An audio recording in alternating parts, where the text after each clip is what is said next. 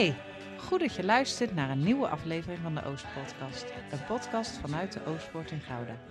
Ook dit derde seizoen spreken Onno en René met gemeenteleden en andere betrokkenen. Zij verbinden, prikkelen, lachen en gaan een kritische noot niet uit de weg. Het gesprek gaat over persoonlijkheid, achtergrond, het alledaagse en over geloven in alle seizoenen van het leven.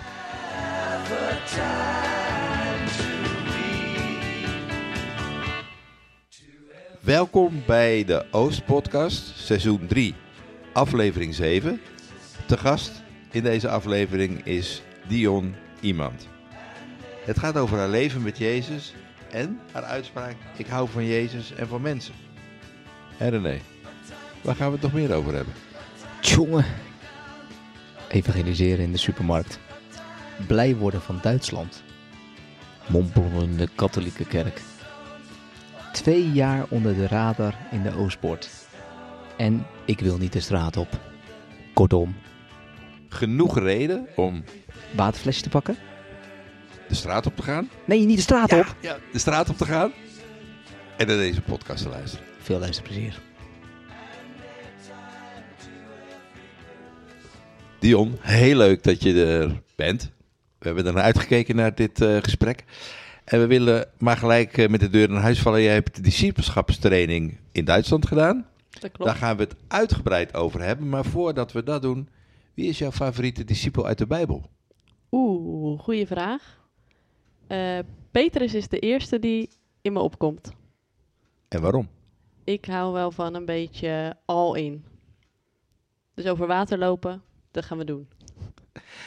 Heb je een voorbeeld van een volgeling van Jezus in deze tijd? In de kerk of op televisie of waar dan ook. In je eigen leven. En waar, waar je je aan optrekt of waar je van geleerd hebt.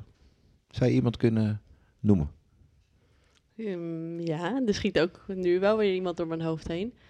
Er is een eh, hele lieve vrouw uit de Oostpoort, waarvan ik wel denk, dat is wel echt tof. In de zin van het luisteren naar Gods stem en het doen wat hij zegt. Dus in alles gehoorzaam zijn. We willen graag leren van jouw levensverhaal. En daarom hebben we je uitgenodigd om eens te komen praten over jouw keuzes voor Jezus. Jezus, je keuze voor Jezus, DTS en de zending.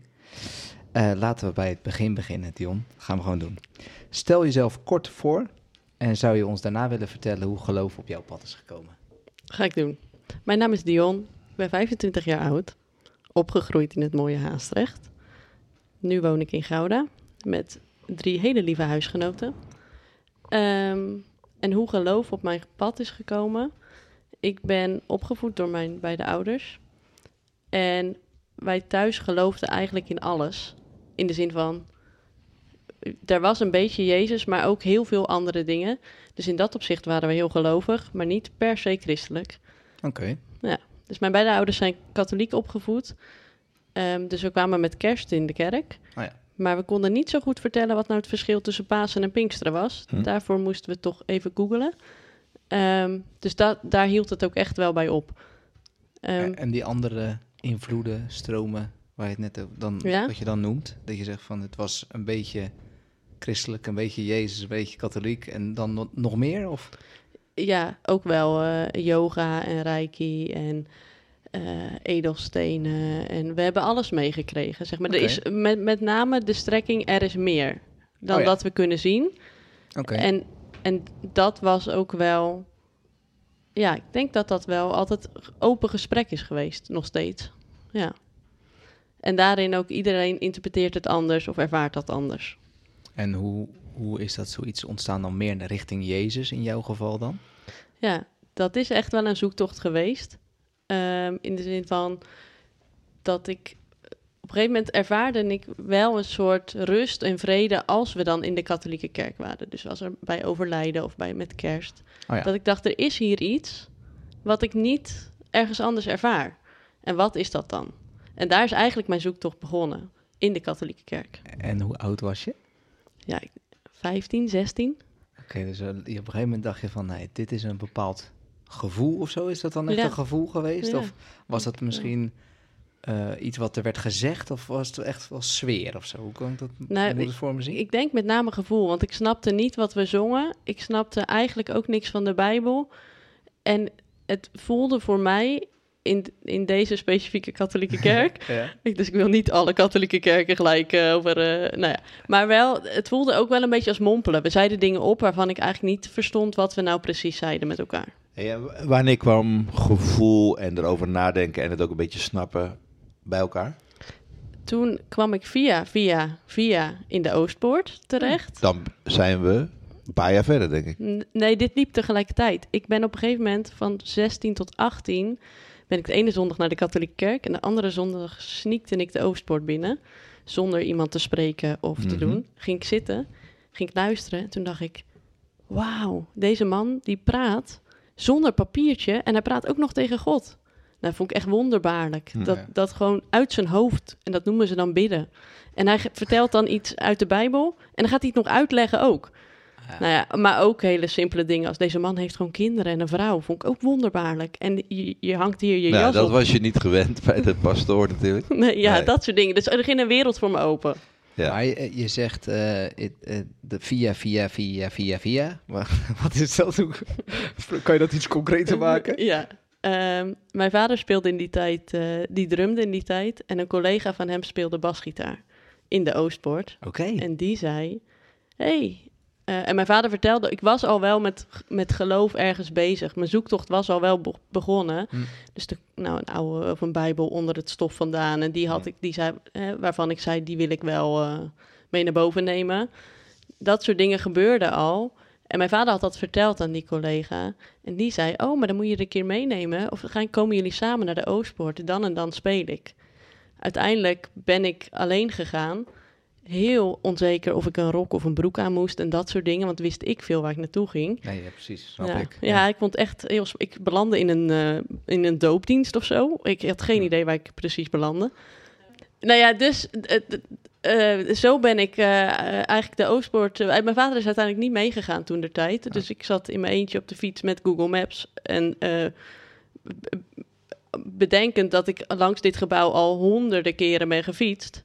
Maar nooit geweten dat het een kerk was. Ja, bijzonder. En ehm, je zegt, eh, iemand anders heeft dus gevraagd, hoe is het dan inderdaad, lijkt me heel zenuwachtig om dan naar binnen te gaan. Maar als je eenmaal over die drempel bent gestapt, hoe gaat dat dan binnen een Oostpoort? Althans, toen der tijd, hè? Laten we Ja, dat ja, zeggen. ja, want nu hebben we een welkomsteam. Ja, exact. Ja, daarom. het, ja. Gaat nu, het gaat nu anders, hoor. Ja. nou, wat er bij mij gebeurde is dat ik dus twee jaar lang af en toe kwam en eigenlijk door niemand ben aangesproken.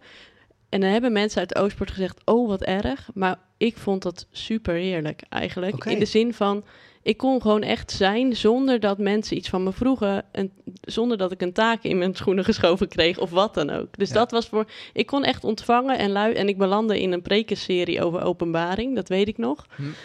Van, van Tanno Van. Tanno, ja, dat weet ik ook nog. En ja. ook dat ik dacht, twee weken of drie weken later kwam ik weer. En, en, en hij had het gewoon nog over hetzelfde stuk. Toen dacht ik, oh, maar dit vind ik echt moeilijk. Dus Oh, ja. dat ik ook ver- verbaasd was dat er een lijn zat in waar ze het over hadden. En, en ik, op een gegeven moment begon ik de, de voorbeden te herkennen. We hebben in die tijd voor, eh, voor, voor eh, hoe heet hij, die jongen, jonge jongen gebeden. Ik leefde gewoon mee met iemand die ik heel niet kende. Ja, te- te- domen denk ik Ja. niet. Ja, Ja. En eh, ik dacht dat die jongen 16 was. Weet je, ik had echt heel geen idee waar Ja. het over ging. Maar ik vond het zo mooi. En de bloemen gingen ook echt naar iemand. En dus ik leefde een soort op mijn manier mee zonder dat iemand anders daar. En ik leerde vooral. Ja. Was dat dan wat er gebeurde als het gaat om eh, het snappen en het gevoel wat meer bij elkaar komt? Ja, maar ook wel dat ik. Ik denk dat ik ook wel een soort leerde van dit is wel serieus. In de zin van. Dat het dus anders is als gewoon zitten, iets beleven en dan naar huis en er dan niks meer mee doen. Ik dacht, deze mensen weten het allemaal. En die, die doen hier ook echt iets mee. En die leven dit. Ja, en er, er is dus elke keer een trigger. In twee jaar lang is er een trigger geweest van ik wil hier weer zijn. Ja, En dat is gebleven, dat is meer en meer geworden? Of hoe, hoe heeft zich dat ontwikkeld? Ja, nou ja, op een gegeven moment ehm, leerde ik wel mensen kennen. Ben ik eh koffie wezen drinken bij Tanno en gevraagd bij toen de tijd nog de Connected groep en om langs te komen. Ik belandde in een bijbelkring. En, En toen is dat meer gaan leven en ook wel, ja, bouw je eigenlijk relaties op binnen een groep. Ja. Dus dat heeft er voor mij ook wel echt gemaakt dat ik dacht, hier wil ik zijn. Ja, en, en de oude eh, katholieke roetstand, dat liet je dan langzaam aan los of zo? Ja. En dat zei je dan tegen je ouders van nou, ik ga nu... Ik heb me ook officieel Rechtsaf? uitgeschreven. En dat was voor mij toen de tijd heel belangrijk. Dat ik dacht, dus ik moest mijn, mijn, eh, mijn eh, hoe noem je dat, datum dat mijn ouders me toen de tijd daar lieten dopen en zo moest ik allemaal opzoeken. Ehm, maar eh, alsnog, toen kwam ik in Gouda wonen, kreeg ik weer brieven van de katholieke kerk. Dus volgens mij ben ik nooit helemaal uitgeschreven. En hoe, hoe wordt zo'n proces wat je doormaakt dan in je eigen omgeving ontvangen? Ja. Ik vond dat wel ook spannend. Zeker toen ik door had, Jezus is het. Dit, dit is wat ik zoek. Ik heb daar echt een soort, eh, ja, coming out is wat eh, overdreven. Maar wel, ik heb dat ze wel zo ervaren. Van pap, mam, ik moet echt wat vertellen. Hm. Ik, geloof, ik geloof in God. En dit, dit is het, zeg maar. Ehm, en mijn ouders stonden er heel erg in. Als jij gelukkig bent, is het oké. Maar op een gegeven moment zat ik eh, alle avonden van de week in de Oostpoort. Want er was altijd een avond iets te doen en ik was er altijd. Hm. En toen hadden ze wel zoiets, we willen wel even kijken waar je uithangt. ja. Voordat je echt ergens belandt wat wel spannend is. Dus ze zijn alle twee ook mee geweest en dachten, dit is wel een goede club. Hier mag je wel terugkomen. Ja. Vanaf welk moment wist jij dat verhaal van Jezus kan zomaar eens echt waarheid zijn? Ik denk dat ik dat stiekem al wel vrij vroeg wist. Maar ik kan me goed herinneren dat ik op een gegeven moment voor mezelf had besloten, ik geloof. Maar nooit echt een, echt een keuze had gemaakt. Want je hoorde dan allemaal verhalen van, van momenten, en mensen die dagen en tijdstippen wisten en zo. Dat had ik niet. Totdat ik op een moment, dus ik had dat ook echt losgelaten totdat ik op een jeugdavond rondom Pasen. En toen werd eigenlijk het evangelie super bazaal in een soort dichtvorm uitgelegd. Dus Hm. vanaf de geboorte van Jezus tot zijn sterven en zijn opstanding. En dat verhaal had ik nog nooit chronologisch, zeg maar, gehoord. En toen dacht ik, ja, eh, ik wil. ja, ja, zo voelde het echt. Alles stond stil en ik dacht alleen maar, maakt me niet uit wat ze nou precies zeggen. Ik heb alleen maar gedacht, ik weet heel niet hoe wat het betekent als mensen voor je bidden. Ik had dat allemaal nog nooit gedaan. Maar het Dit maakt is me wat niet. ik. Ja, dit Ja. is wat ik gezocht heb en wat ik vind Ja. in, in Jezus. Ja. Ik proef eigenlijk geen twijfel in je verhaal. Je zegt, het is een heel mooi proces geweest, eigenlijk van katholiek gemompel, zo, zo noem je het geloof ik, naar ja, ik wil. Maar stel nou dat er mensen luisteren op dit moment die wel de twijfels hebben, of ze nou wel of niet dat moeten geloven. Wat zou jij dan zeggen? Vraag het God zelf. Heer, als u bestaat, laat u zelf zien. Oké, zo ik, simpel ik is zou, het- ja, ik, ja, want eh, ik denk dat we heel veel voor's en tegens kunnen vertellen.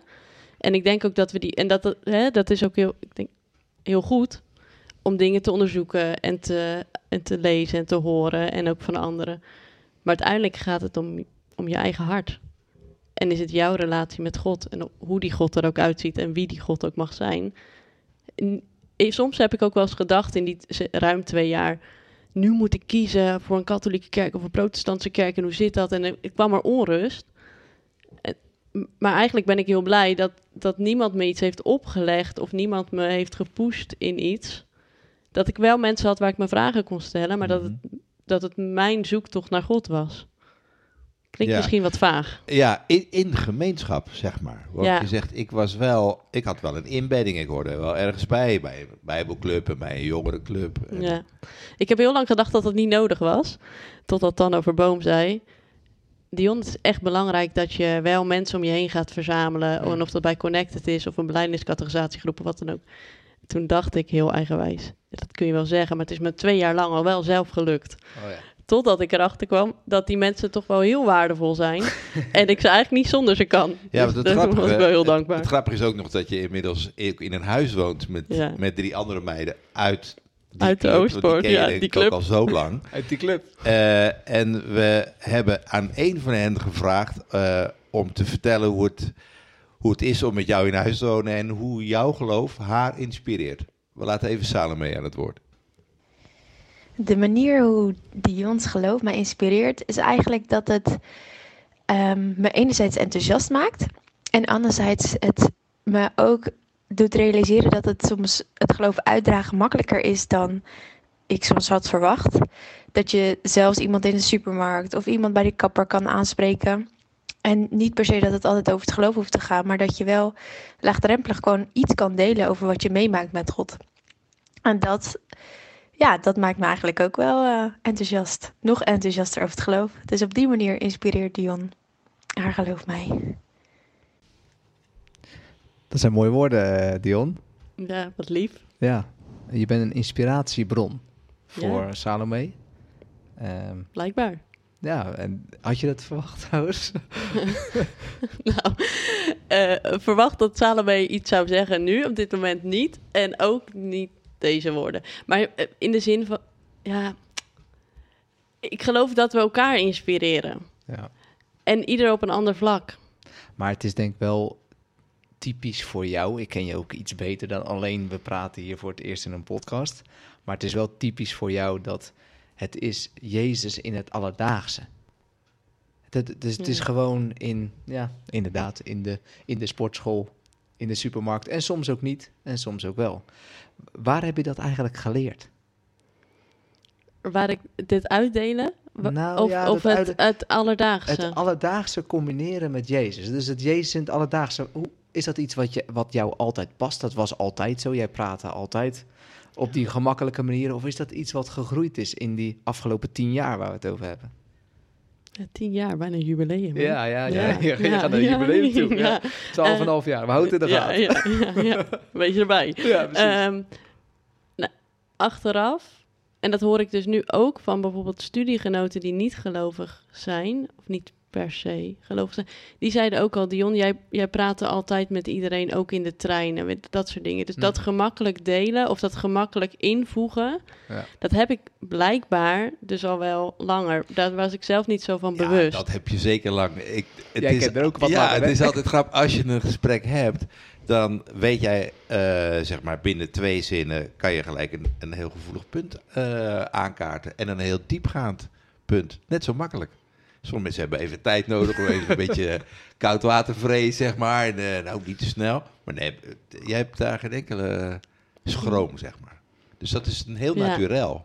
Ja, Ja, ik, maar ik ben ook al wel vroeg altijd ouder geschat en ook wel als ernst, een soort er- ik kan een soort ernstig Overkomen. overkomen. ik weet niet of dat heel positief is, maar wel, ja, ik weet Mensen niet. zijn kwetsbaar bij je, laten we het dan zo noemen. Totdat ze gewoon, ze durven ook met jou, in jou al, Ja. ja, in wie Ja. jij bent, Ja. gewoon Maar te echt, delen. echt delen in het enthousiasme of het enthousiasme of delen over Jezus is wel later gekomen, want Wij gaan dat sprongetje maken. Want dat zijn- is, ja, dat is, wij pakken ja. weer even de regie terug van het Ja. gesprek. Ja, terecht. Want ehm, eh, veel mensen die zeggen van... ik ga een opleiding doen, ik ga naar school, daarna ga ik werken. Van 9 tot 5 een baan, ga ik geld verdienen... en dan ga ik de dingen doen in mijn leven die ik graag wil doen. Vinden wij allemaal een logische stap. Jij niet. Jij zegt, eh, ik, heb, eh, ik heb een diploma gehaald... maar ik wil nog een diploma halen. ja. En we begrepen, dat heet de, het discipelschapsdiploma op een discipelschapsschool. We plagen hier nu een beetje. Ehm, maar dat was de discipelschap trainingsschool. Hij heeft heeft Ja. een Engelse naam gekregen. Ehm, we denken dat je bent geslaagd. Ehm, maar we willen natuurlijk ook graag weten wat nou heeft gemaakt dat je die keuze hebt gemaakt. ja. De DTS gaan we De het even over hebben. ja. Ja, de DTS. Term, De Ja. DTS, oké. Ben je geslaagd?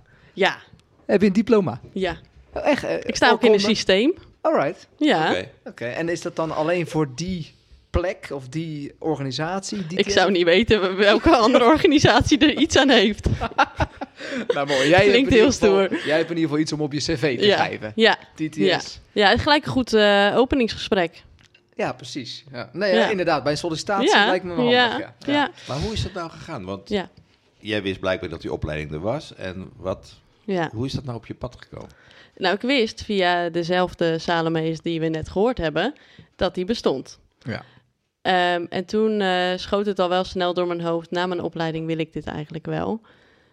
Maar ik vond het ook wel een beetje spannend. Totdat ik, eh, dit kan ik me ook nog wel echt herinneren, dat ik ochtends eh, stille tijd aan het houden was. En gewoon met God eigenlijk aan het bidden. En op een gegeven moment bad ik, bid vaak hardop. En dat ik bad, Heer, dank u wel dat ik een DTS ga doen. En ik was even stil en ik dacht, wat heb ik nu eigenlijk gezegd? maar nu moet ik het echt gaan doen. En dat was wel het moment dat het een soort, dat ik dacht, ja, het, het- in plaats van dat het alleen een gedachte is van, oh, dit lijkt me een keer tof, dat ik dacht, ja, misschien moet ik het nu ook wel echt gaan doen. En is het dan een, een roeping? Is dit dan een roeping, denk je? Vul je het zo in voor jezelf? Hoe gaat dat? Nou, ik weet niet of het een roeping is om een DTS te gaan doen. Of je nou geroepen bent of niet, ik zou het iedereen aanraden. maar meer, voor mij was het meer een bevestiging dat de gedachten die ik had, dat die oké zijn. En dat ik dit gewoon maar mag gaan doen en wel zien wat eruit komt. Oké, ik proef geen twijfel in dit soort uitspraken. Nee, hier had ik niet zo heel veel Nee. twijfel over. Want je wist het al, dus tijdens je studies dacht je al van dit, dan was die gedachte al binnengekomen en denk je, joh, dat zou zomaar eens iets kunnen zijn wat ik kan gaan doen. Ja, En wat is dan echt dat je zegt van waarom vond je dat dan tof? Bijvoorbeeld, je noemde het net tof. Waarom Ja. is dat dan tof? ja ik dacht, dit gaat over Jezus. Dat Ja. is leuk. Nee, ja. nee, ja, ik weet eigenlijk niet zo goed. Ik weet ook niet zo goed wat ik ervan verwacht had of zo. Hey, neem, neem ons eens mee. Je, je gaat naar die school toe. Ja. Ja. je kan hem over heel de wereld doen, heb ik Ja. begrepen. Jij ging naar Duitsland. Ja. Eh, we horen straks nog dat je sinds die tijd Duitsland heel, een heel leuk land vindt. Eh, neem ons eens mee. Je eerste schooldag. We kunnen ons allemaal nog een eerste schooldag herinneren. Ja, ja, ja. Jouw Ja. eerste schooldag bij de DTS. Wat gebeurt er? Nou, ik was vooral mee bezig met hier spreken ze Duits en Engels. En eigenlijk beide talen liggen me niet zo heel erg. Ik dacht, hoe ga ik dit eh, doen? Dus dat was een onderdeel daarvan. Mhm. En ook eh, oh, eh, in het Engels bidden. Nou, ik was vooral bezig met de taal, denk ik. Maar Oké. ook... Maar ja, ik ben heel benieuwd naar het rooster. Wat, Oh, het rooster. Wat voor vakken staan er op het rooster? ja, ja, ja, leuk. Leuke vraag. Het is een school. Ehm, ja, het is een school. Iedere week was een ander thema. En dan kreeg je gewoon van, eh van acht tot eh één eh, les. En dan eet je daarna op zijn Duits warm. Geen sprinkhanen, dat zei René nog. Springkanen. nee, joh. Nee, oh nee, die heb ik even gemist, denk ik. Oké. Je eet lekker warm. Op zijn Duits warm. Ja, ja braadworst Ja, waarschijnlijk. Ja, ja. In Ja. ieder geval goed vet. Toch? Ja, gewoon le- Ja. lekker. Ja. Goeie hap. Goeie hap. En daarna gingen we praktische dingen doen of bidden of... eh, eh, ik eh, vrijdagmiddag voetballen met de lokale jongens. Dat soort dingen. Ja. Dus dat, het wisselde. En ook de, spre of de, de leerkracht en de, de spreker wisselden iedere week. Hm. Maar het is echt onderwijs. Ja. En daarna De eerste drie praktijk. maanden. Ja. Ja, eerste drie maanden echt onderwijs. En daarna twee maanden, drie maanden praktijk in een ander gebied. Ja, daar komen we zo meteen nog wel even Ja. op. Want dat onderwijs, dat zijn nieuwe thema's of verdiepende thema's. Hoe, wat moet ik me erbij voorstellen? Sommige waren wel echt nieuw. Of ik heb in iedere week wel iets nieuws gehoord. Mhm. Dat sowieso. Maar ook wel thema's die, waarvan ik al wel iets wist. De Heilige Geest of geestelijke strijd. Ehm, een week over zending. Die was voor mij wel een soort nieuw. Identiteit hebben we gehad. Dat En- soort thema's. En welk thema sprak je het meeste aan? Ja, de thema's die ik dus nog heel goed kan herinneren. Die je nu eigenlijk aan het Ja, ja, ja. ja. Ja, want we hebben ook iets over eh eh, kijken op de wereld eh, gehad. Bijbels. ik zou geen eens de naam meer weten. Nee, precies. Da- Ja. Daarvan weet ik ook niet zo heel veel meer. En, want discipelschap, waar als een DTS, als, als zij dat zouden moeten vertalen, dat heb jij vast meegekregen in die eh, thematiek. Wa- wat betekent dat voor hun? Wat was dan voor hun discipelschap? Waarom noemen ze het zo? Ja, het, ik denk met name het optrekken met elkaar en het meer leren over Jezus. Dus dat stuk gemeenschap zijn, zeg maar. En het met als doel meer leren over wie Jezus is. Ja. En uiteindelijk dus ook hem beter leren kennen. En dus dichter bij hem leven. Ja, dus echt als achter hem aan. Ja, Ja. ja. En ehm jij noemt identiteit. Eh, wat heb je... Ja, misschien is dat de persoonlijkste, sorry. Dat weet ik Nee, natuurlijk maakt niet maar- uit. Maar ehm, identiteit als thema, Ja. je zegt dat Ja. is eentje, die, die noem je net op. Dus dan neem ik even aan dat dat er eentje is die, eh, die heeft aangesproken. Wat was daarin dat je echt heeft geraakt bijvoorbeeld? Of waar je, wat je nu nog meeneemt? Degene die die les gaf, hing heel groot op ehm, de tekst uit eh, wanneer Jezus gedoopt is. En Mhm. dat die, jij bent mijn geliefde zoon. Ehm, en, en die heeft de hele week heel groot opgehangen. En ook nadat we dat, dat dat het vertrekpunt was. Ehm, maar ook dat daar alles weer samenkwam. Dus dat zij heel erg duidelijk wilde maken: dit is wie ook wij zijn in Jezus.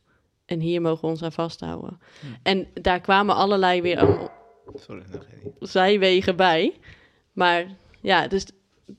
En ook, nou ja, ik kan er nog heel veel over vertellen. Ja, Nou, mooi. kunnen we- mooi. we- Gaan we Hey, door. en, eh, en Bijbelstudie vervolgens ga je op outreach, heet dat in het jargon. Ja, Ehm, jij ging naar het Midden-Oosten. klopt. Hoe was dat? Want het was midden in coronatijd. Ja. Ingewikkeld of niet?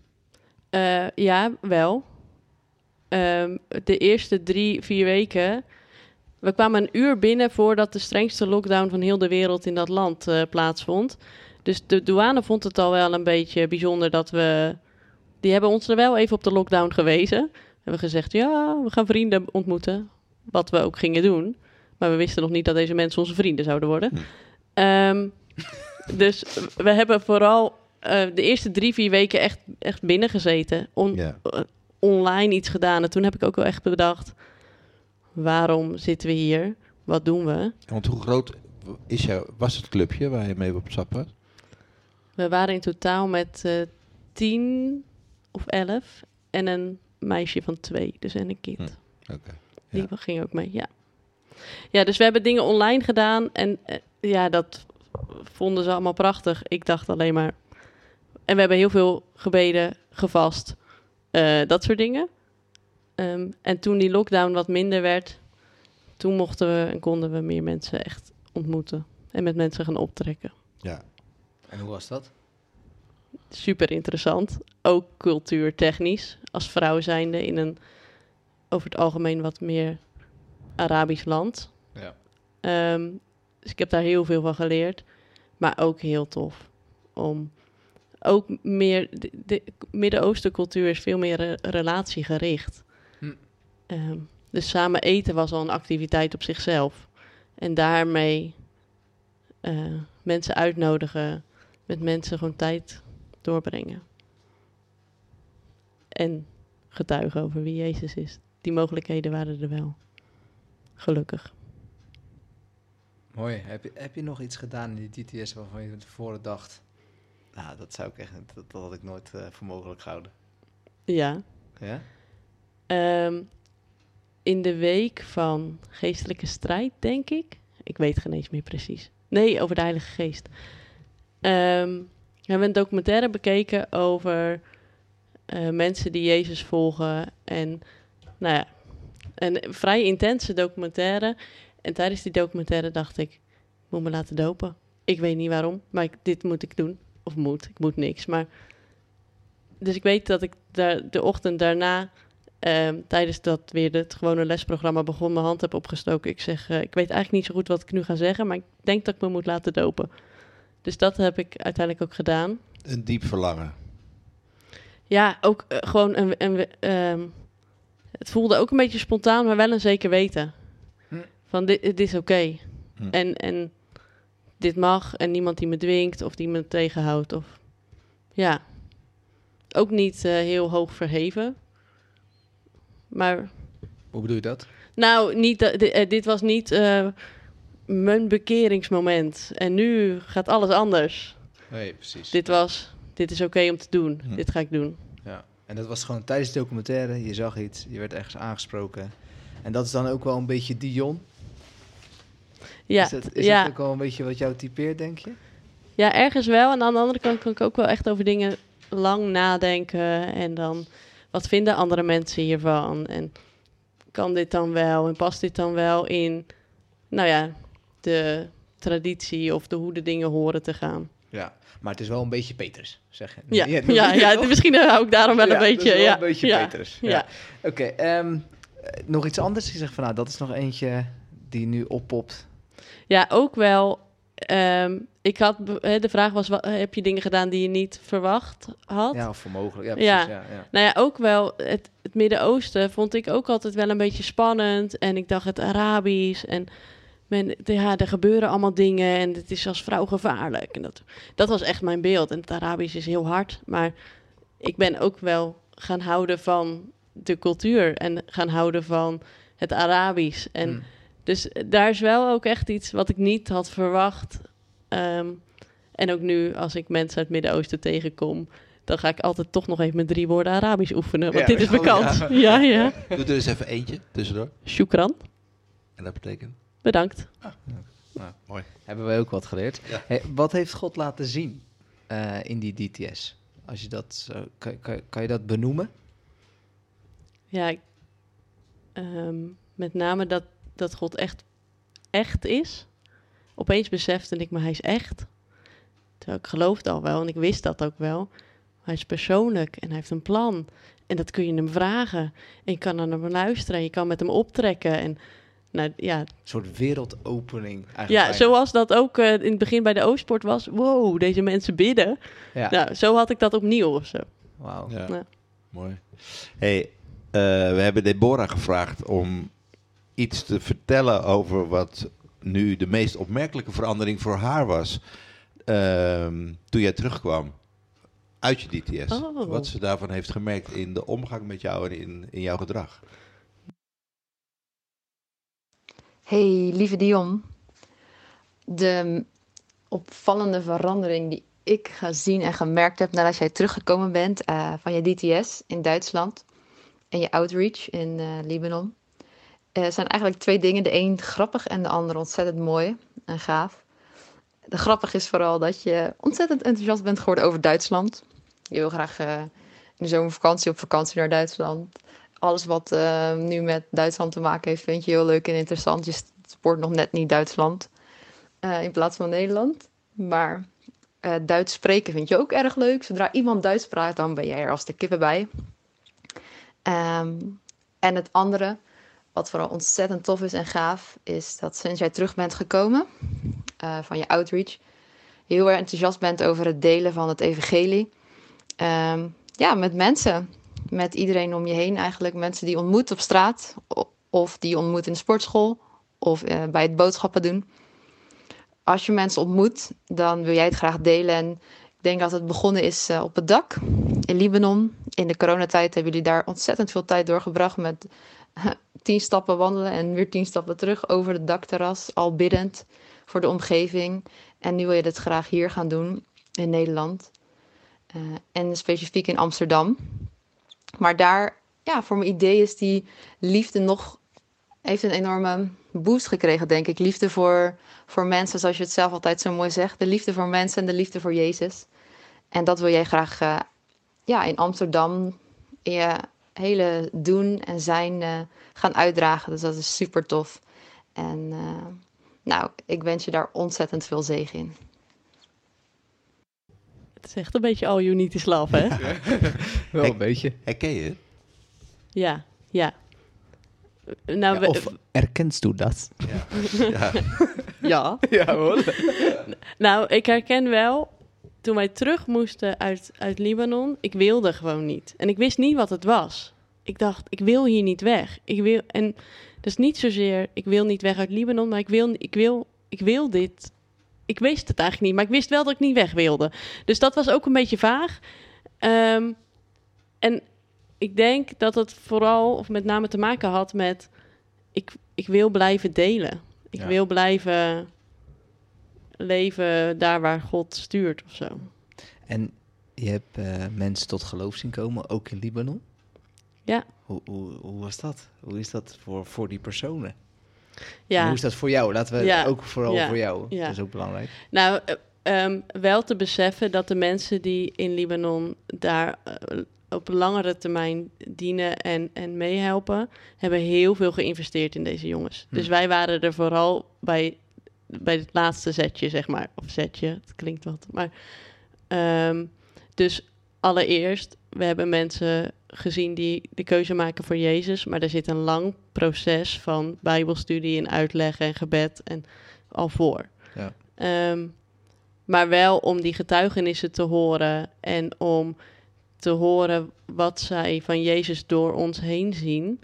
Dat was super tof, want dat besefte ik me helemaal niet. Nee. Ik besefte me heel niet wat, wat dat voor hen betekende. En ook wel dat mensen zich in die nou, periode dat wij met ze optrokken hebben ze laten dopen. En dat ik ook zoiets had. deze jongens riskeren best wel veel. Ja. Die geven heel veel op om Jezus te volgen. En dat, ja, dat besef ik nog steeds niet helemaal wat dat voor hun betekent. Bijzonder. ja, heel bijzonder. En ja.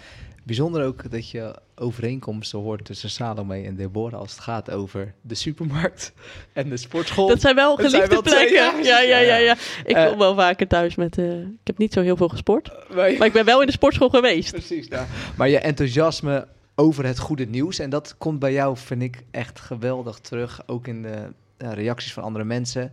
Het is voor jou echt goed nieuws. Evangelie betekent echt goed nieuws. Je ziet het aan je af. Het is ook een soort van ja, on, onrembare eh, motivatie in jezelf. Nou, dat, dat zeg je ook. Hè? Dus ik voel in Libanon, dacht ik ook van... ik wil niet per se niet weg uit Libanon, maar ik wil blijven delen. En die brug slaan we dan ook direct, want er is ook een idee geboren als het gaat over het kunnen blijven delen.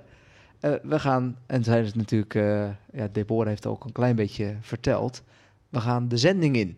Althans, We. kunnen we dat Ja, zo zeggen? Ja. Ja, We. Ja. dat zijn... We, we, Dion. Nou ja, we willen het graag met je hebben. Dat, niet dat we hier een soort glazen bol neerzetten, maar we willen toch een beetje met je Voor zover mogelijk. over Ja, de toekomst. Ja, ja. Zeg maar, hè? Dat we Ja. even een blik in de toekomst willen werken, want, werpen. Ehm, want je bent eh, na de DTS gaan werken bij de ARK. N- Eh, nee, eh, niet helemaal. Ik, ik ben, heb een eh, Help zwangerschapsverlof gevuld voor een maand of zes bij de, in de kinder- en jeugdpsychiatrie. Toen hield dat op. En toen dacht ik, wat nu? En toen ben ik eh, voor een uur of twintig in de week gaan werken bij de ARK, gehandicaptenzorg. En de rest van de tijd iets anders gedaan. Ja, nee, maar je bent woonbegeleider daar. eh, Sportschool bezoeken. eh, gegaan. Ja, Nou, ja. Donateur van de sportschool eh, ja, geworden. ja, ja. Eh, De sportschool in de Albert Heijn. maar eigenlijk wist je al, dit is niet werk wat ik wil blijven doen tot Ja. jij hebt wel apart gesolliciteerd. Ja, Jij hebt bij je sollicitatie al aangegeven van, ik blijf hier niet. Ja, ja, ja. Het is een risico om aan te nemen. Ja. Ja. Want op de een of andere manier is er toch iets, en je moet dat toch eh, een beetje uitleggen, is iets van een roeping. Ja. ja, zo kun je het wel noemen misschien. Ja, en ja, wa- wat is nou dan precies een roeping en hoe werkt dat?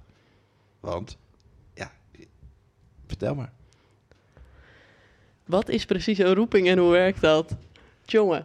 Ehm, nou, ik denk, ik denk dat in de eerste instantie iedereen een roeping heeft, op wat voor manier dan ook. Dus het is niet eh, in dat opzicht heel. eh, alleen Dion heeft dat. Dus Nee. dat, dat als allereerst gezegd. Nee, maar niet iedereen Maar- zegt zijn baan op. En ik, Nee, mensen ja. die nu luisteren, die zullen ook Ja, wel zeggen... wat voor- is dit voor risico wat Ja. hij het neemt? Ja, ja, als je het over risico's hebt. Nou, dat we het vorige podcast ja, ja, ik hou me misschien niet helemaal aan de regels. Ik zeg eerst mijn baan op en maak daarna een begroting. Ja, ja. Ehm, eh, nou, ik heb ehm, een grappig eh, dingetje. Toen ik tot geloof kwam, om het zo maar te zeggen, heb ik ergens bedacht, ik ga nooit de straat op. Dat had ik met mezelf een soort afgesproken. Want ik dacht, al, al die christenen die dan maar de straat op gaan, dat ga ik niet worden. Ehm, in mijn DTS was er iemand die sprak over de straat op gaan. En toen voelde ik al, misschien is dit wel echt gaaf. Dus ik ben daar veel over gaan luisteren. En ik, ik wist dat toen ik terug was in Nederland, ik moet hier iets mee. Dus ik ben wat verschillende dingen gaan opzoeken van mensen die de straat op gaan. En daar is het eigenlijk geboren Ja. dat ik dacht, ja, maar dit is wel gaaf. Terwijl heel geen idee waar ik dan moest starten en wat ik dan eigenlijk aan het doen was. Maar dit, dit klinkt weer als Dion slash Petrus. En dus jij, jij, jij voelt wat, je, eh, je hoort wat. Jij denkt van, hé, ik, ik word hier ergens geroepen. En er is actie. Ja, nou ja, dit klinkt nu alsof dit allemaal één gestroomlijnde lijn was. Dat was niet het geval. Want ik ben in september, eh, nee, in maart teruggekomen van mijn, van mijn DTS. Eh, en toen heb ik ooit een keer van de zo daarna, eh, van in diezelfde zomer, twee, drie keer met iemand meegelopen op de straat. Toen dacht ik, dit wordt hem allemaal toch niet. Dus dat ging echt niet zo dat ik dacht, dit is het. Nee, oké. Dus het is wel een proces, maar toch blijf je gegrepen door dat thema dan. Ja. Hoe ben je dan aangehaakt gebleven? Zeker na die eerste, ja, dat, dat gevoel van nee, dit is het echt niet. Wanneer dacht je van, oh, ik moet er weer wat mee? Nou, zeker toen mijn baan in de kinder- en jeugdpsychiatrie stopte en ik wist, ik moet niet door waar ik nu mee bezig ben. Het was goed voor nu, maar ik hoef hier niet in verder. Toen dacht ik, ik heb veel tijd en ruimte om dit verder uit te zoeken en serieus uit te zoeken.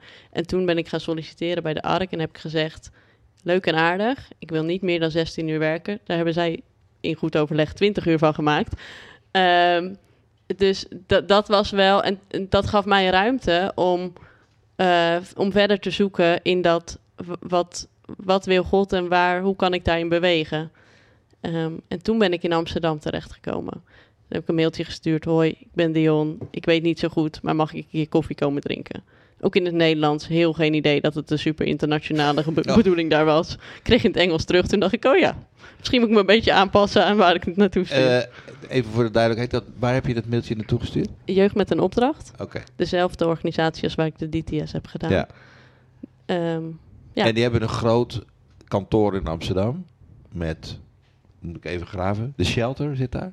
Ja, dat zit er denk ik niet meer. Oh, Maar dat, heeft, dat hoor ik meer mensen over. Ik Dat moet was- dat toch nog eens uitzoeken. ja, dat was dacht Ja. ik het uitvals, de Ja. uitvalsbasis. Ja, Maar ze hadden ook een ark. veranderd. Maar dat is ook van vroeger, denk ik. Oké. Ja, maar dat maakt niet uit. Nee, en wat Dat hebben ze nu? Eh, ze hebben nu eh, een aantal gebouwen nog steeds. Ehm, en verschillende groepen die weer verschillende groepen in Amsterdam probeert te bereiken.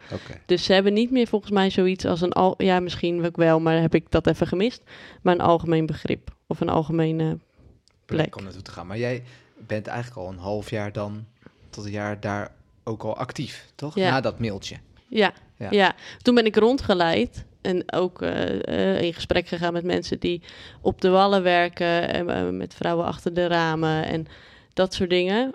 Ehm, en toen dacht ik, dit is super tof, maar waar zie ik mezelf hierin? En er was één iemand die zei, oh ja, op donderdagmiddag doen we vaak straatevangelisatie. En toen zat ik terug in de trein van Amsterdam naar Gouda. Toen dacht ik, misschien moet ik daar eens gaan kijken. Toen ben ik daar gaan kijken. Toen heb ik gezegd, ik bind me nergens aan. Ik zeg nergens op toe. Ik kom echt niet iedere week. Sindsdien ben ik er iedere week. Dus Maar jij, Ja. dus eigenlijk waar je zei, ik ga die straat niet op, ja, is dat nu precies wat je gaat doen? ja, ja, ja. En vind ik dit het allermooiste. Nou is het zo dat veel mensen een bepaald beeld kunnen hebben van de straat. Ja, wat noemen we dat? Evangelist? Hoe, hoe, hoe, wordt dat binnen jeugd met de opdracht genoemd? Heb je daar een term voor? Of? Ja, straatevangelisatie, maar dat is niet per se een term die jeugd met een opdracht bedacht heeft. en ik zou mezelf ook geen evangelist per se noemen. Maar ja, Daar kunnen we het nog eens over hebben. ja, Wat dat maar- dan is. Ja, ja, Maar, ja, want dat is dan weer- Daar hebben we wel een beeld bij. Ja, Dus dat een stapel foldertjes of zo'n, ehm, hoe heet het, zo'n bord voor je buik. Ja, Ja, precies. Jezus red, ja. Ja. ja. Ja, precies. Ja, daar, daar zit wel, er zit wel een soort van, ja, ja, noem het, nou goed, in ieder geval, er zit, er zit iets van sfeer omheen. Ja. ja, en dat heb ik zelf ook ervaren. En dit beeld heb ik zelf ook heel lang gehad. Misschien daarom ook, ik ga niet de straat op. Maar Ah ja. Ik, ja, Wat, wat doe je concreet? ja, goede vraag. Ik spreek mensen aan, maar ik probeer eigenlijk eh, connectie te maken. Dus te zijn waar zij zijn. Dus naast, letterlijk naast hen te gaan zitten. En dat gebeurt dus ook. Op het bankje waar zij zitten, als ze tijd hebben en als ze ervoor openstaan, ga ik ernaast zitten. Ja. En ik probeer uit te zoeken in, in die korte relatie die je dan met iemand hebt, te, te zijn waar zij zijn en hoe zij God zien en of ze een God zien en hoe dat dan werkt. En door vragen te stellen en relatie in een hele korte tijd op te bouwen, gebeuren er ook mooie dingen. En, en is dat met types zo, zoals wij? Gewoon eh, koffertje mee en dat? Of zijn het wel echt, ja, noem het even, bepaalde types waar je dan mee optrekt? Eh, eh, Zie je een bepaalde tendens of zo? Ja, gekke vraag misschien. Ja, maar- ja, ja, ja. Nee, nou, nee, niet per se. Ehm, Het kan met nee, iedereen ja, zijn. Ja, ja. Oké, dus het beeld van, dat, dat zijn vooral bijvoorbeeld, tenminste dat heb ik een beetje. Het beeld van dakloze mensen die dan aangesproken worden. Of van mensen waar je dan eh, met een pizzadoosje naartoe loopt. Juist omdat ze nog moeten eten. Dat, dat is niet helemaal fair. Nee, het zijn ook, ook wel eh, dak- en thuislozen die daar toevallig zitten. Maar niet alleen maar. Maar eh, je, ziet, je ziet de mens eh, en je, je wil graag contact en een relatie aangaan. Is dat het? Ja. En iets delen, dat is iets delen van die liefde van Jezus. Maar ook dat, ze mogen, dat mensen mogen proeven en weten dat het voor hen is.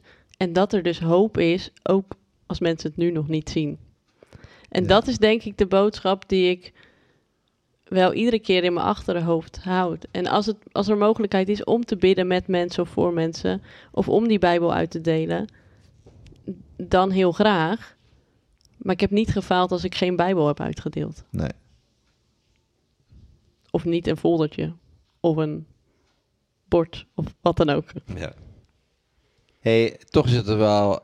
De mensen zullen je toch wel gek. Ja, ik zit een beetje in te vullen. Maar mensen Ja, zullen ja, je misschien wel gek aankijken als je zegt: Ik heb mijn baan opgezegd en ik ga daar naartoe. We leven in een maatschappij waarin we alles willen controleren. Waarin we eh, uitrekenen eh, hoeveel we moeten verdienen en, eh, en hoe pe- ons pensioen eruit ziet.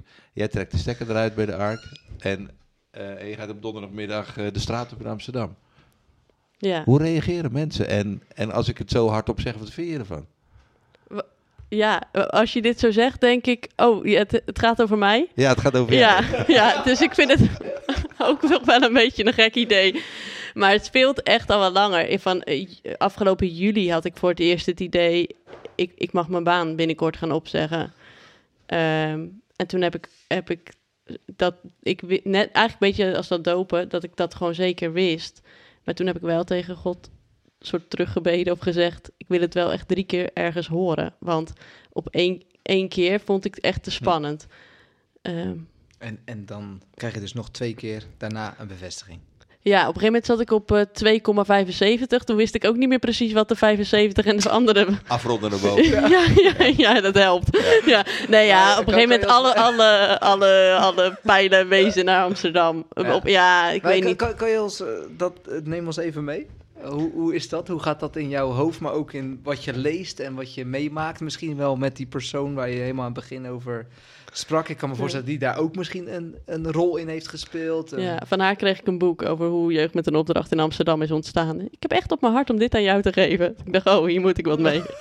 Oh, echt? Ja, Is dat dit boek? Ja. Floyd McClung, het ligt op tafel. ja, Ja, mooi. Hij was denk ik een van de oprichters van Ja. Jeugd met ja, Opdracht. hè? hij is Ja. begonnen, ja. Oké, dus dat was dan, de- dat noem ik dan even eh, de, de twee.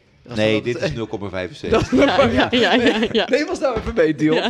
Laat ons Nou, niet zo in het ik- ongewisse. Nee. Eh, ook gewoon dat ik merkte dat ik vond Amsterdam en vind soms nog steeds ook wel echt spannend in de zin van ik ben opgegroeid in Haastrecht. Daar hadden we meer, hebben we meer koeien dan mensen. Ja. En hier, het eerste wat ik rook als, uit de trein was, was wiet en, en drugs en andere talen die ik hoorde. Ja. En ik dacht echt, ieder, ik heb heel lang gedacht, ik ben in het buitenland.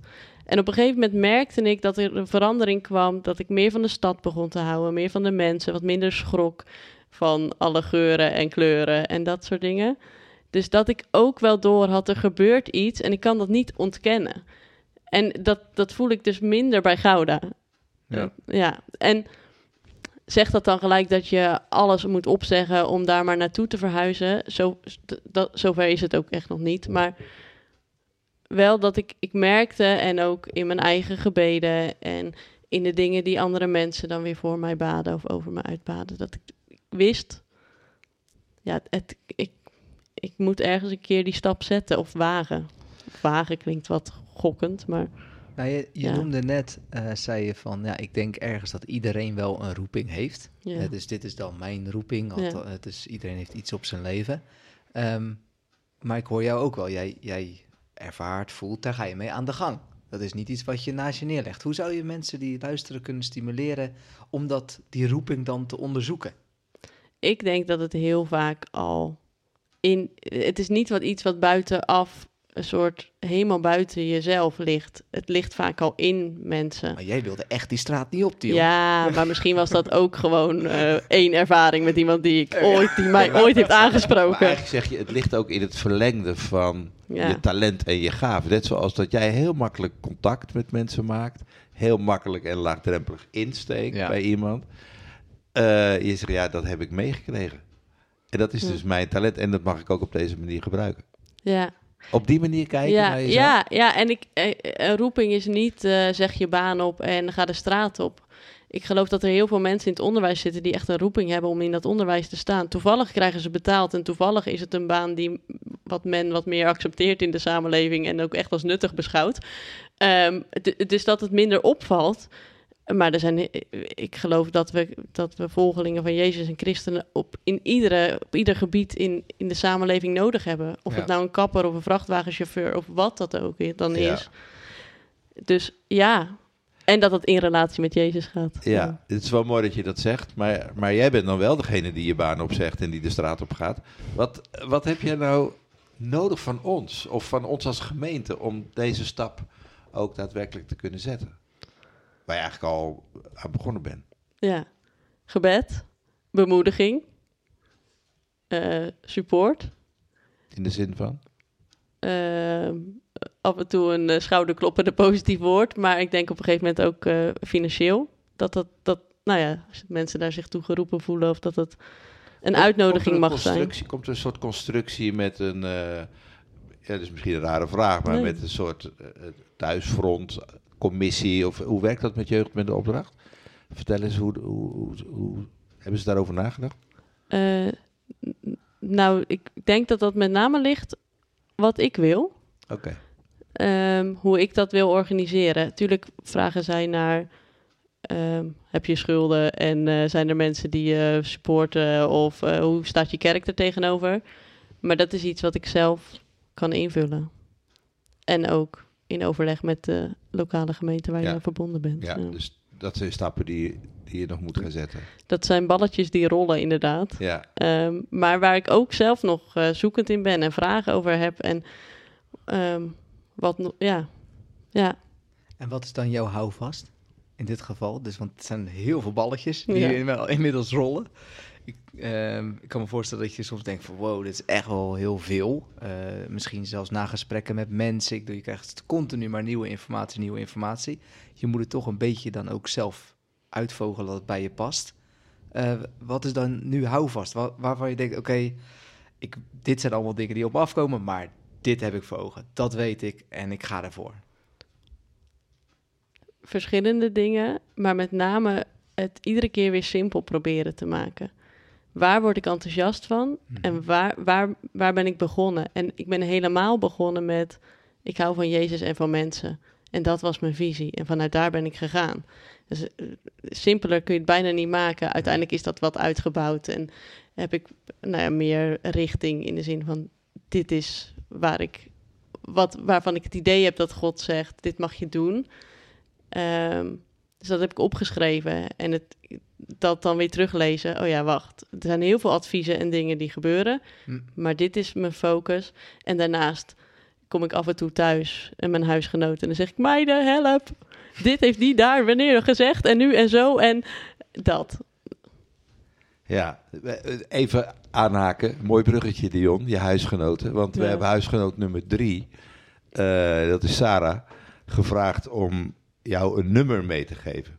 En de reden waarom. Het lied wat ik je graag mee wil geven, je zendingstijd in, is het lied eh, Spirit Move van Battle Music. Het gaat erover dat de geest van God ons lichaam in beweging zet.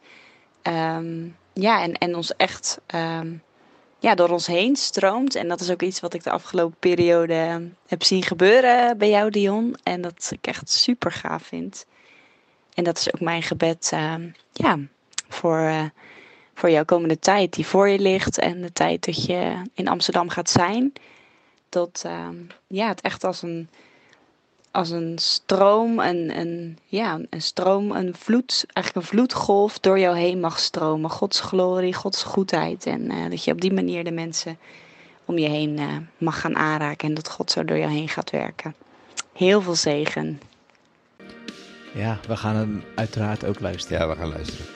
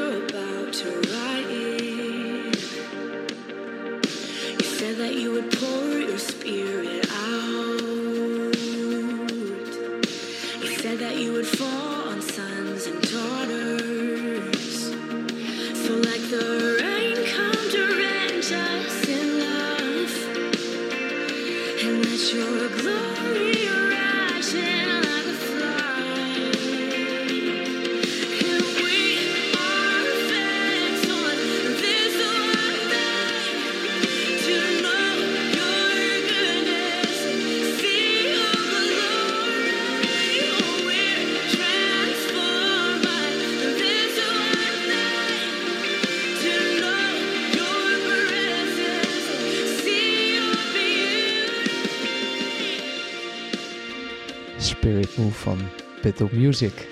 Ken je hem? Nee, nee. Maar eh, ik ben rijk gezegend met een, eh, een zendingslied. Precies. Ja, naast een zendingstekst heb ik nu ook een zendingslied. Dat, eh, dat is een bruggetje, want wat is de zendingstekst? De zendingstekst. Ja, is dat, is, krijg je, ja? Ja, ja, ja, dit is wel de tekst waar ik maar vasthoud. Oké, nou, een van de vele dingen, maar dit is er Ja. eentje die staat. Ja, Mooi. ja. Dat is? 2 Korinthe 5, eh, vers 18 en 19. Dat alles is het werk van God. Hij heeft ons door Christus met zich verzoend en ons de prediking van verzoening toevertrouwd. Want God heeft in Christus zich met de wereld verzoend. Door de zonde van de mens niet in rekening te brengen. En ons heeft hij de boodschap van verzoening toevertrouwd. Vers 20, stiekem er ook nog bij. We treden dus op als gezanten van Christus, in andere vertaling ambassadeurs van Christus. Het is God zelf die door ons een oproep doet. Voor Christus smeken wij u, laat u met God verzoenen. Mooi. Wanneer kwam deze tekst op je pad? Weet je dat nog? Ja, in de afgelopen paar weken, maar eigenlijk kwam eerst, ehm, eerst een beeld. Zeg maar gewoon dat ik een soort plaatje in mijn hoofd zag. Dat ik dacht, ja, maar dit, dit is wat ik, dit is Gods hart of zo. En toen eigenlijk de tekst en toen kwam het samen. Mooi. We zijn verzoend. Ja. Mooi. Oh no. Ik vind het ook wel heel gaaf voor de Oostpoort. Dat we weer iemand hebben die we uitzwaaien, die de zending ingaat en die we kunnen steunen en supporten en waar we voor kunnen bidden. Ja, maar dan neem je aan dat dat gaat gebeuren. Dat hoor. gaat gebeuren. Dat Ik- gaat ik- gebeuren. als ik dit verhaal hoor, Ja, dat, ik, ja. dan is het gaande. Dan hebben we in ieder geval twee mensen die voorstemmen. Als Ja, er al zeker. gestemd wordt. Hè? Ja. Ik denk dat we ons aan gaan sluiten bij de woorden van Sarah. Veel zegen op je pad. Dank jullie wel. Heel fijn dat je hier je verhaal hebt gedeeld. En ik hoop dat dat ook tot zegen mag zijn. Ja. René? Ja, ik, eh, en ik hoop ook dat wij als gemeente uiteraard betrokken kunnen blijven bij jou. Eh, Zeker, ook al zit je in Amsterdam. Eh, volgens mij is het zover allemaal niet. Nee, nee, Nee, nee. want dus- ik- ook die meiden gaan ervan uit dat ik daar al zit. ik kom gewoon nog thuis hoor. Ja, heel goed. Ja. Nee, maar we, ja goed, Ja, we nee, wensen- Laat vooral weten als er Ja. een thuisfrontcommissie komt, als je mensen daarvoor nodig hebt, eh, maak gebruik van de communicatiekanalen. Eh, doe een oproep voor eh, vrienden eh, waar een rekeningetje aan verbonden is. Ja, zeker. Ja. Mooi. Veel succes, Dion. Dankjewel. Dank jullie wel. Hey, eh Onno, even, eh, even iets heel anders, hè? Heb, heb jij nog wat geleerd van de vorige podcast eigenlijk? De, de podcast van Wilhelm Ja, over veiligheid. Nou ja, één zin is blijven hangen. welke dan? Skin in the game. Skin in the game. Oké. Kan Weet je voor... nog wat het is? Ja, nou ja, ja, ja, zeker. Want hij, hij noemde dat gedeelte natuurlijk bij, eh, volgens mij, die dynamiet. eh of wat is Ja, het? ja, dat de, De mijn of zo? de familie van de directeur van de, van de dynamietfabriek op het terrein zelf moest wonen. Ja, precies. Nou, en het grappige is, ik, jij, jij zegt het zo, maar ik, eh, ik heb ehm, die, die, die Hofbar. Eh, heb ik, Ja. nee, ik weet niet of dat nog zo heet eigenlijk. Ja, Rutger uh, Kassiker. Ja, maar die Ja. heeft. De, en die had dus een programma over. eh, dat ging over Gemo- Gemoers. Of Gemoers. Ja, dat is zo'n eh, fabriek. Je hebt Tata Steel natuurlijk. En, en Gemoers, dat schijnt dus nog PFAS te lozen. Zowel Oh. in het water rond Sliedrecht. Dat is toch bij de Biesbos? Ja, ja, die, ja, Ja. precies. Ja. En, en ook vanuit de pijpen komt een en ander over. En er zat een vrouw die daar woonde, die zat dan te vertellen... ja, eh, wij hebben hier een moestuintje en eh, ja, we kunnen niet eens eten uit het moestuintje. Wordt ons ook echt eh, afgeraden vanwege de PFAS. En ehm, toen ging dus die Rutger, die ging dan vervolgens in gesprek met de Rijkswaterstaat... onder andere over vergunningen en dergelijke. En toen zei ze van ja, ja maar goed, eh, we hebben het al afgebouwd. En dat was wel echt, het was zeg 11, 1100 ton. En dat was nu 50 ton, wat dan uitgestoten nog mocht worden of mocht worden geloosd. En ja, er was nog niet echt een verbod mogelijk, want Europa zou het niet verbieden. Oh, oh. En toen, toen moest ik denken inderdaad ook aan dat zinnetje, jij noemt het nou. Want toen dacht ik, ja, als jij zelf daar nou zou wonen... en je bent zelf een Sliedrechter daar, of waar je ook zit... En je hebt een moestuin. En je hebt een moestuintje, ja, dan denk je toch wel anders. Ook als Rijkswaterstaat. Eh, ja, wat is het, degene die een vergunning eh, afgeeft. Ik dacht, volgens mij, dat skin in the game is inderdaad wel echt een goeie. Grappig. Ja, als dat blijft hangen, daar hebben we wat aan. Zeker. Ja. Naar de volgende, hey, Op naar de volgende.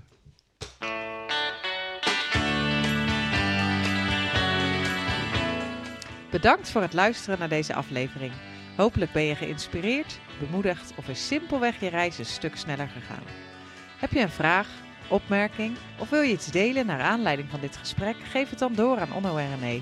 Spreek ze aan of laat een berichtje achter in de Oostport-app. Vinden ze leuk? Deze podcast is gemaakt door Onno Kastelein en René Rijn met technische en contentondersteuning van Lisa Bos, Bob Luursema en mijzelf, Marjolein Ouwerkerk.